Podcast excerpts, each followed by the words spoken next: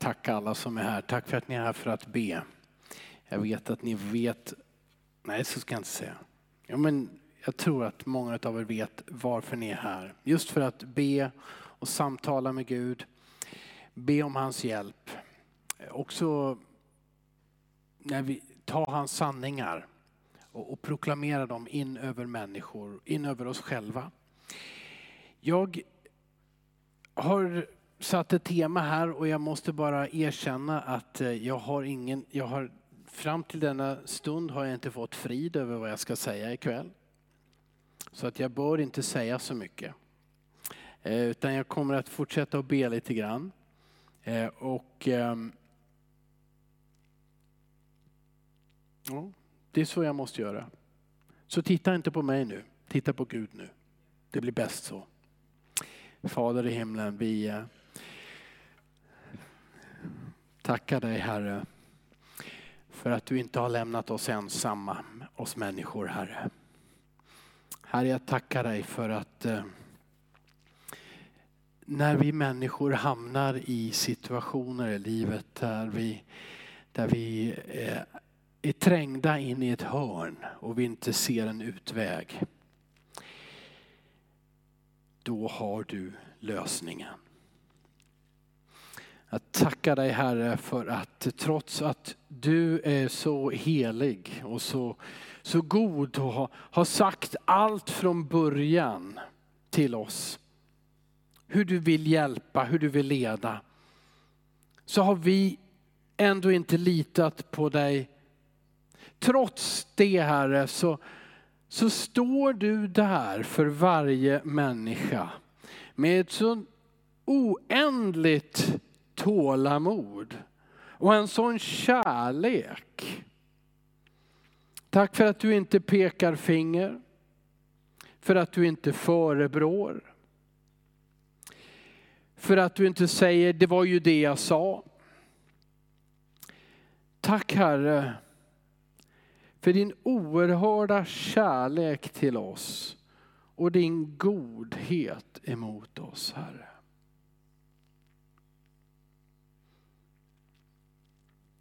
Herre, jag tackar dig. Det här, jag vet att det gäller om, för oss som vi har varit kristna i årtionden men fastnar i en situation som vi inte trodde att vi skulle fastna i. Eller om vi inte vet någonting om dig till denna kväll så vet jag Herre att du är god emot alla. Du är tålmodig med alla. Du älskar alla. Jag tackar dig Fader. Tackar dig för budskapet, evangeliet, glädjenyheterna om ett ljus som lyser i mörkret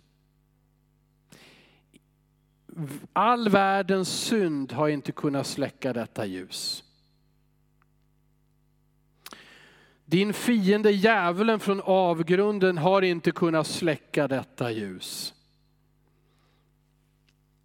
Och även om vi inte har sett det, så det ögonblick som vi vänder oss till dig Herre, då lyser ditt ljus och vi får frid. Och vi får glädje. Och du strömmar igenom oss med din kärlek. Vi tackar och prisar dig Jesus. Amen. Mm. Tack för sången Caroline. Underbart. Tack för att du skriver och spelar och sjunger för oss och med oss.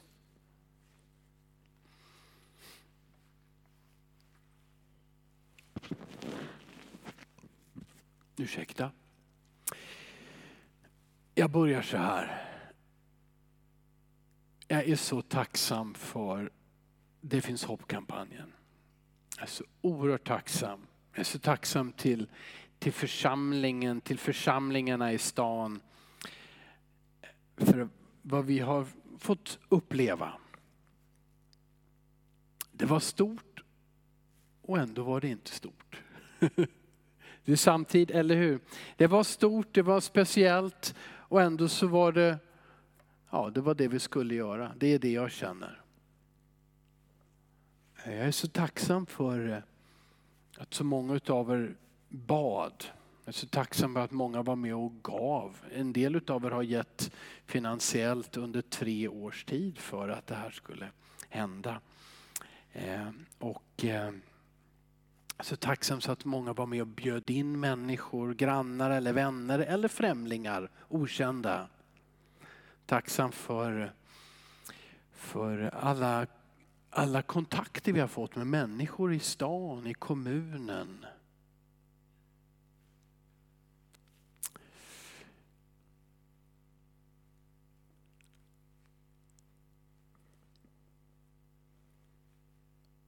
Men det finns så mycket mer för oss. Det finns så mycket mer som Gud vill göra.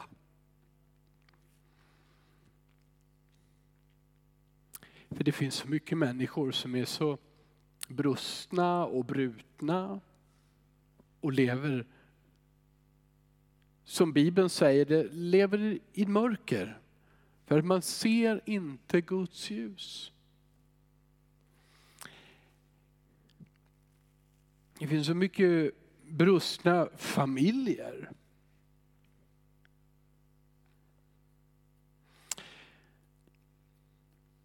Ni vet, vi, vi lever ändå i ett, ett av världens rikaste länder fast vi har långsamt börjat inse att vi, vi är inte riktigt lika rika som de är i Schweiz och lyckas inte lika bra som i vissa andra länder med olika saker.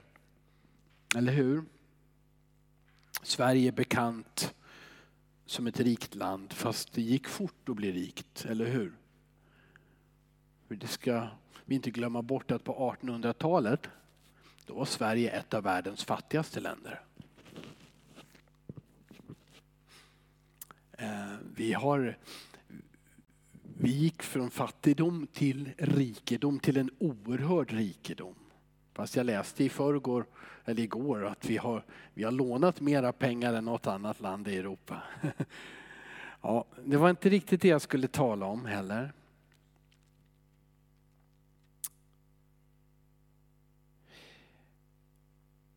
Men eh, vi ska inte, vi får inte förneka det som är sanningen. Vi får inte måla över det. Och jag vet att vi har en tendens att göra det som människor. Jag vet att jag har det och vi har det. Ibland gör vi det var och en för sig gällande vårt liv. Och ibland gör vi det som samhälle eller vi kanske kan göra det som församling och man kan göra det som grupp.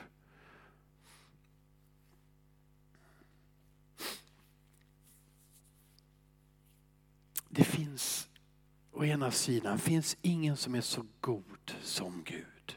Det finns inget så fantastiskt som detta att han har skapat oss. Och trots att vi har syndat så har han älskat oss så mycket att han har dött för att återupprätta sin skapelse, dig och mig. Vem har hört talas om det? Om någon som skapar något så vackert och så går det sönder av synden. Och så betalar skaparen hela priset. Börjar inte om. Det är det. Gud börjar inte om. Han säger inte jag slänger bort det som var för, för den här första modellen, världen, men den blev misslyckad. Det, så, så som vi skulle, om vi skulle försöka skapa något i lera med våra händer och, och vi vill skapa någon, någon, någon, någon staty som vi tycker är vacker och så blir det helt fel.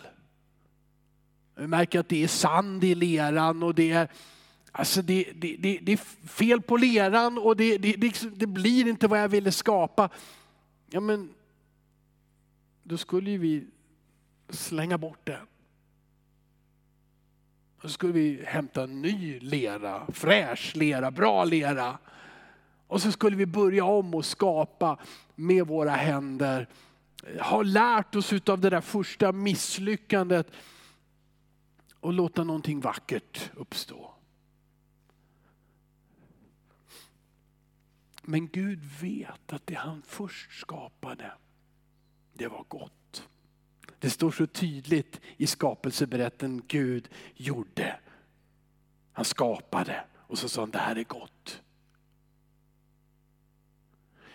Men han slänger inte bort lerklumpen.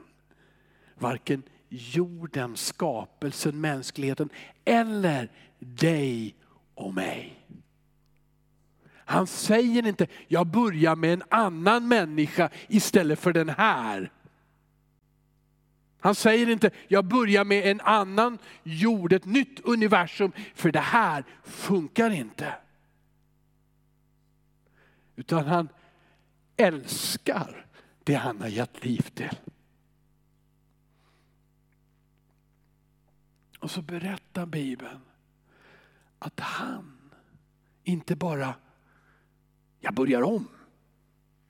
Jag putsar på det, jag, liksom, jag får forma leran en gång till så att det blir bra. Utan han, låt, jag tar den här bilden nu. Han låter sig själv vara den som kastas bort. Han kastas på ett, ett kors. Han kastar inte bort den misslyckade leran som inte blev vad den skulle för den inte ville och den liksom rann mellan fingrarna. För människor, vi vill göra vad vi själva vill på vårt sätt. Utan han kastas oskyldig på ett kors. Det är han som förkastas av människor som skrattar och hånar och säger, vad behöver vi en Messias? Och det är han som på korset ropar till sin far, min Gud, min Gud, varför har du övergivit mig? Och jag som människa, jag har ofta en tendens att tänka på att Åh, vad Jesus led för oss på korset i sin kropp. Han, han led fysiskt, han blev slagen, han blev piskad, han blev hånad, han blev fastspikad. Han hängde. Och jag tänker på allt det där lidandet. Men vet ni, den som hängde där var Guds son, det var Gud själv. Han var en e, han, av evighet god. Han kunde inte dö. Jag har inte tänkt så mycket på den tanken förrän någon som heter Anders här i församlingen sa det till mig. Jesus kunde inte ha dött på det där korset. Av alla spikar. Av allt blod han blödde. Av allt lidande. För han var Guds son och utan synd. Han kunde inte dö. Av det men han valde att dö för din och min skull. Han gav upp andan. Varför? Jo, för att han bar synden, misslyckandet, skammen. Och för att misslyckandet är så stort att egentligen skulle skapelsen inklusive dig och mig, ha förkastats. Istället så förkastades Jesus.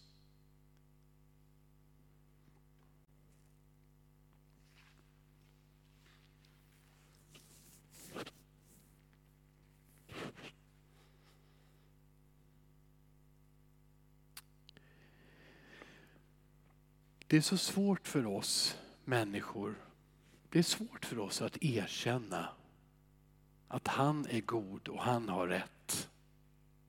Och vi har fel och tänker ofta onda tankar. Det är så oerhört svårt för oss att göra det. Men vägen till helande, Vägen till helande ligger i det ödmjuka erkännandet. Gud, utan dig är jag förlorad. Jag tror ofta att vi som människor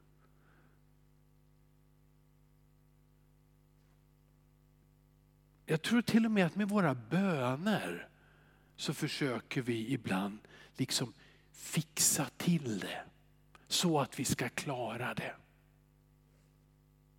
Gud, om du bara ger mig lite mera kraft, då klarar jag det här. Om du bara ser till att stänga till munnen på de där jobbiga människorna. Ja? Du, du, om du är på min sida Gud och välsignar mig, då ska jag nog klara det här. Det finns en, det finns en stolthet i oss, med den, men vi lurar oss själva med den. Du, behöver, du och jag behöver inte Guds välsignelse över det vi vill göra. Vi behöver erkänna det är han som har skapat oss. Det är han som är Herre. Det är han som har en plan för dig och mig. Det är inte du och jag. Det var ingen av oss, varken dagen före vi föddes eller dagen efter vi föddes, som drog upp en plan. Nu ska jag leva så här. Vi föds totalt värnlösa och, och menlösa med det gamla ordets betydelse. Vi har inte den förmågan att dra upp en plan när vi föds in i den här världen. Vi föds in beroende och där är ju alla tydligast beroende av en familj, föräldrar, omsorg, värme, kärlek, vägledning och att få växa in i någonting. Och ja, det är sunt för en människa att på många sätt bli vuxen och växa ut ur beroendet av, av föräldrar och den omgivningen. Men Gud har aldrig någonsin tänkt när du och jag mognar att vi ska växa upp och bli oberoende av honom. För det är bara han som är Gud.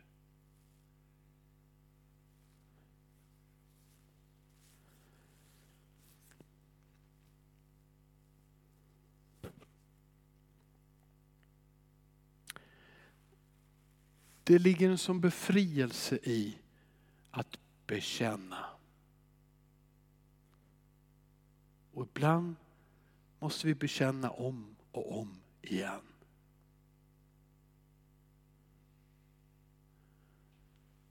Vi har en tendens, och det är synden i oss, att istället förneka, försköna, skriva om.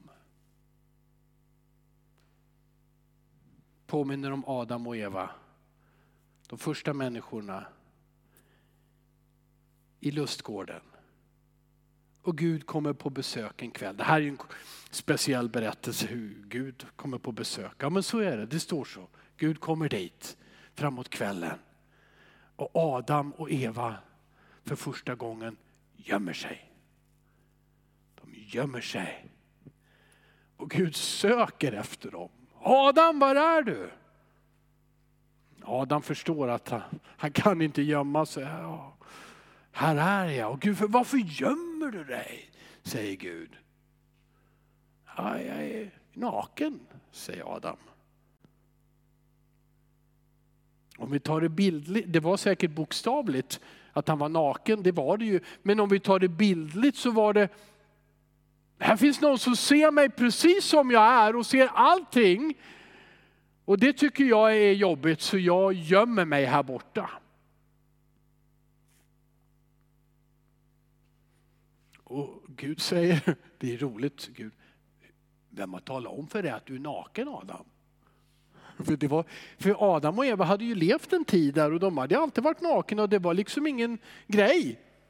De levde i lustgården och Gud var där och de var där och de åt frukt och plockade bär och, och vad de nu gjorde så att säga. Va?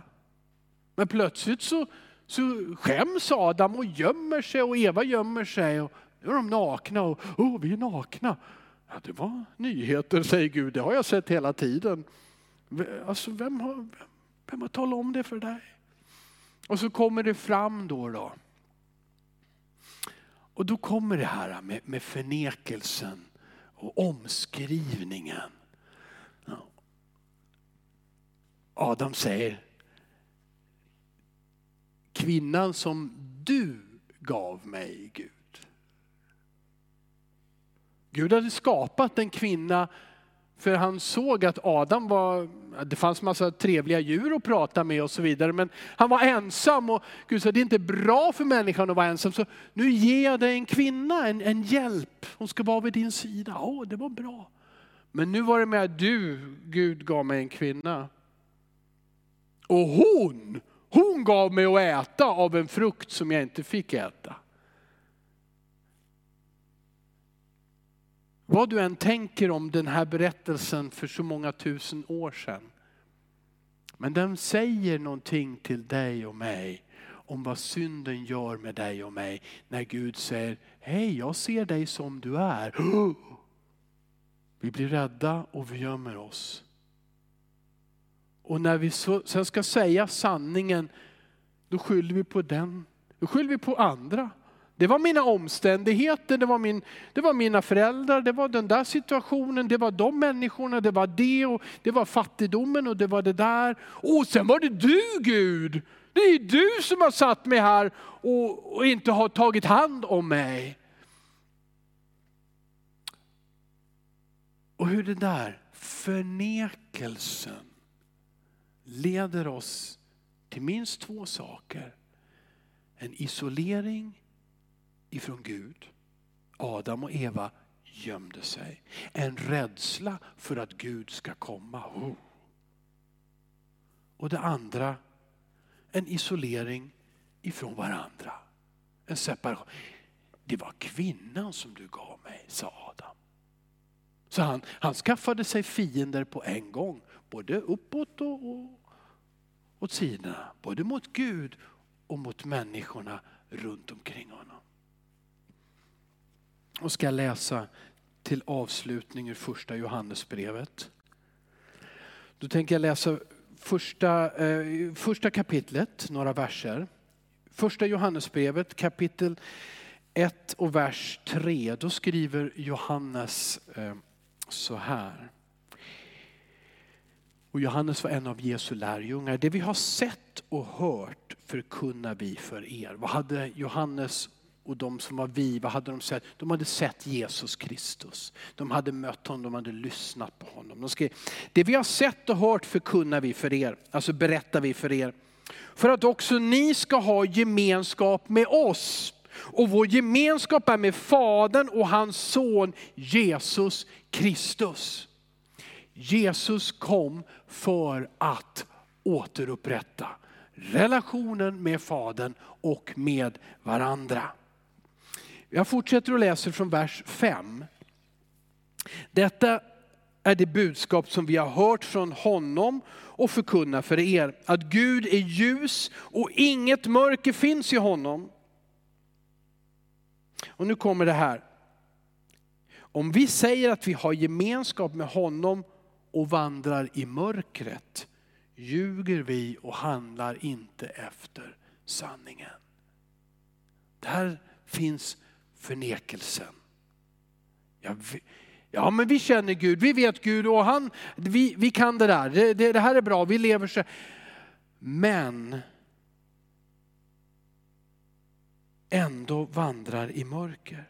Då står det i vers 7, men om vi vandrar i ljuset, liksom han är i ljuset, vad har vi då? Då har vi gemenskap med varandra och Jesus, hans sons blod, renar oss från all synd. Och det kommer fram så här att om vi känner Gud och älskar Gud, då, må, då leder det, måste det också leda till att vi älskar varandra. Och att vi älskar skapelsen. Det här det blir liksom ett test på det här. Känner jag, lever jag verkligen i gemenskap med Gud? då märker jag det genom hur jag ser andra människor. Hur jag behandlar dem. Och upptäcker jag där att här finns det en massa svårigheter.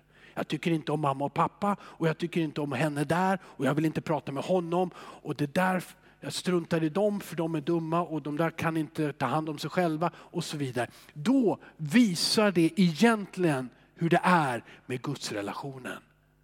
Och då skriver Johannes, om det är så, då ljuger du egentligen. Då säger du att du lever i ljuset, men du lever i ett mörker. Det här är ju utma oerhört utmanande ord för oss. Vers 8, om vi säger att vi inte har synd, då bedrar vi oss själva och sanningen finns inte i oss. Och så vill jag läsa vers 9 nu också. Om vi bekänner våra synder är han trofast och rättfärdig så att han förlåter oss våra synder och renar oss från all orättfärdighet. Genom bekännelsen blir vi fria.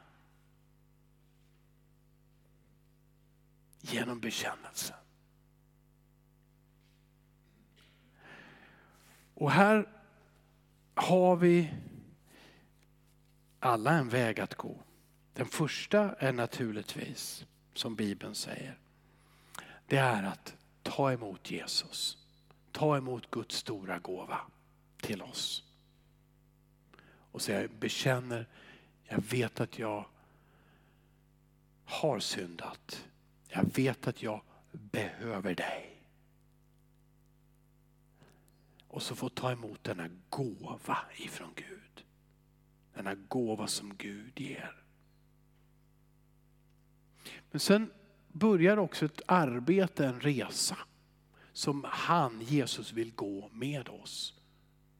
Och det kan vara, det är i relationen till andra människor och till, till vår omgivning. Där Gud säger, ja, jag vill inte att ni ska leva särade ifrån varandra. Jag vill inte att ni ska tillåta att att oförlåtelse och bitterhet skapar ett avstånd emellan er. Ni är inte gjorda för det. Ni behöver varandra. Ni blir lyckliga av att vara med varandra. Ni får det ni behöver. Gud har gjort det så att vi får vad vi behöver genom andra människor vår, din och min längtan är säkerligen ofta efter mirakel. Att Gud bara skickar bröd ifrån himlen. Och, du vet, han, han, han bara låter mig flyga genom luften och så landar jag på andra sidan jorden. Och, alltså vi, vi har, vi, vi, men, men Gud har skapat oss beroende av varandra och han vill visa sin godhet till dig och mig genom andra människor. Och han vill visa hur god han är genom dig. Och då är all slags nedbruten kommunikation, relation, någonting som vittnar om att synden på olika sätt försöker att ta oss i sitt grepp för att hindra det som Gud vill göra. För han vill ge frid och glädje och kärlek. Han vill att vi ska få leva i det.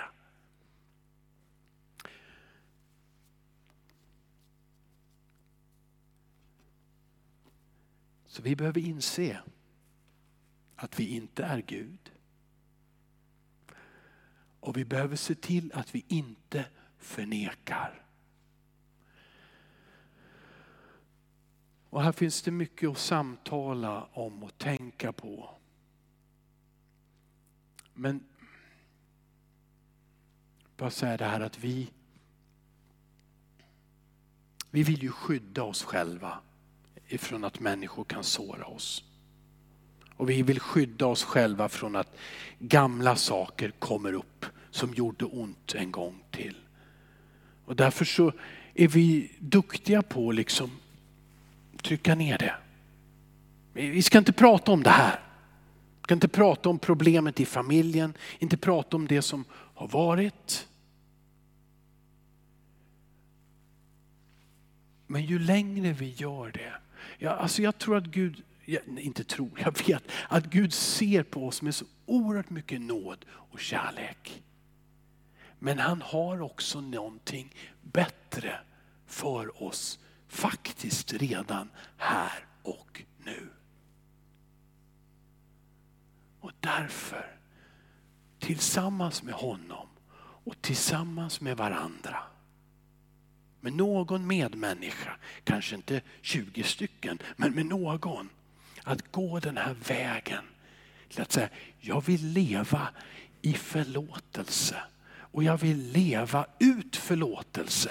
Och jag vill leva med människor, för det har Gud skapat mig till. Det är en viktig väg för oss att gå. Och jag tror att utmaningen att börja den vägen eller fortsätta den vägen, den går med oss hela livet, varje dag. För det händer ständigt saker som kan lura bort oss ifrån den vägen. Ord som vi missförstår, ord som sårar, saker som händer, minnen som kommer upp. Frustrationen med att jag inte har lyckats bli en bättre människa och lösa det här och det här. Men i ödmjukhet och med beslutsamhet säga, jag är en syndare men du Gud förlåter. Jag behöver dig. Ja. Jag har inget bra slut mer än att vi kan be. Okej? Okay? Fader i himlen, jag ber att din heliga ande gör vad du, bara du kan göra i våra hjärtan och i våra liv. Och inte bara i våra utan i vår stad och i våra familjers och släktingars liv och i vårt land Herre och i vår värld. Jag ber att din heliga Ande leder oss på en väg av ödmjukhet och tacksamhet Herre. Där du får komma in Herre och skapa och återupprätta. Ge oss frid och glädje, mod att leva. Herre Jesus Kristus vi bekänner vår synd Herre och vi bekänner hur, hur syndagiftet har förstört så mycket och hur vi behöver dig Jesus Kristus. Vi behöver dig, var och en av oss Herre och denna värld behöver dig. Men vi tackar dig Jesus Kristus. Vi tackar dig för att du dog för varje människa Herre. Vi prisar dig för detta Herre. Vi, vi, vi, vi lovar dig för att du tog all synd, all skam, all ensamhet, allting på dig Herre. Och du dog för vår skull. För att allt detta inte ska ha någon kraft över oss. Jag tackar dig Jesus för att skulden inte ska ha kraft över någon enda som hör evangeliet. Synden ska inte få binda någon enda utan kedjorna måste falla Herre. Jag tackar dig Jesus Kristus för att det finns förlåtelse för alla Herre Jesus. Och det finns ett helande för alla i dig Jesus Kristus. Vi tackar dig Herre. Vi tackar dig Jesus Kristus och jag ber att du vill välsigna oss med frid Herre. Med en frihet Herre Jesus Kristus och att vi kan ta varandra vid händerna och gå tillsammans genom livet Herre Jesus Kristus. Herre, Herre. Jag tackar dig Fader för att det finns hopp. Det finns hopp för Eskilstuna och det finns hopp för Mälardalen här. Och det finns hopp för vårt land och för den här världen. Och det finns i dig Jesus Kristus Herre. Herre, herre döp oss på nytt i din heliga ande Herre. Att vi brinner och är utrustade Herre med kärlek och med kraft ifrån dig Herre Jesus Kristus. Jag tackar och prisar dig i Jesu namn. Amen. Amen.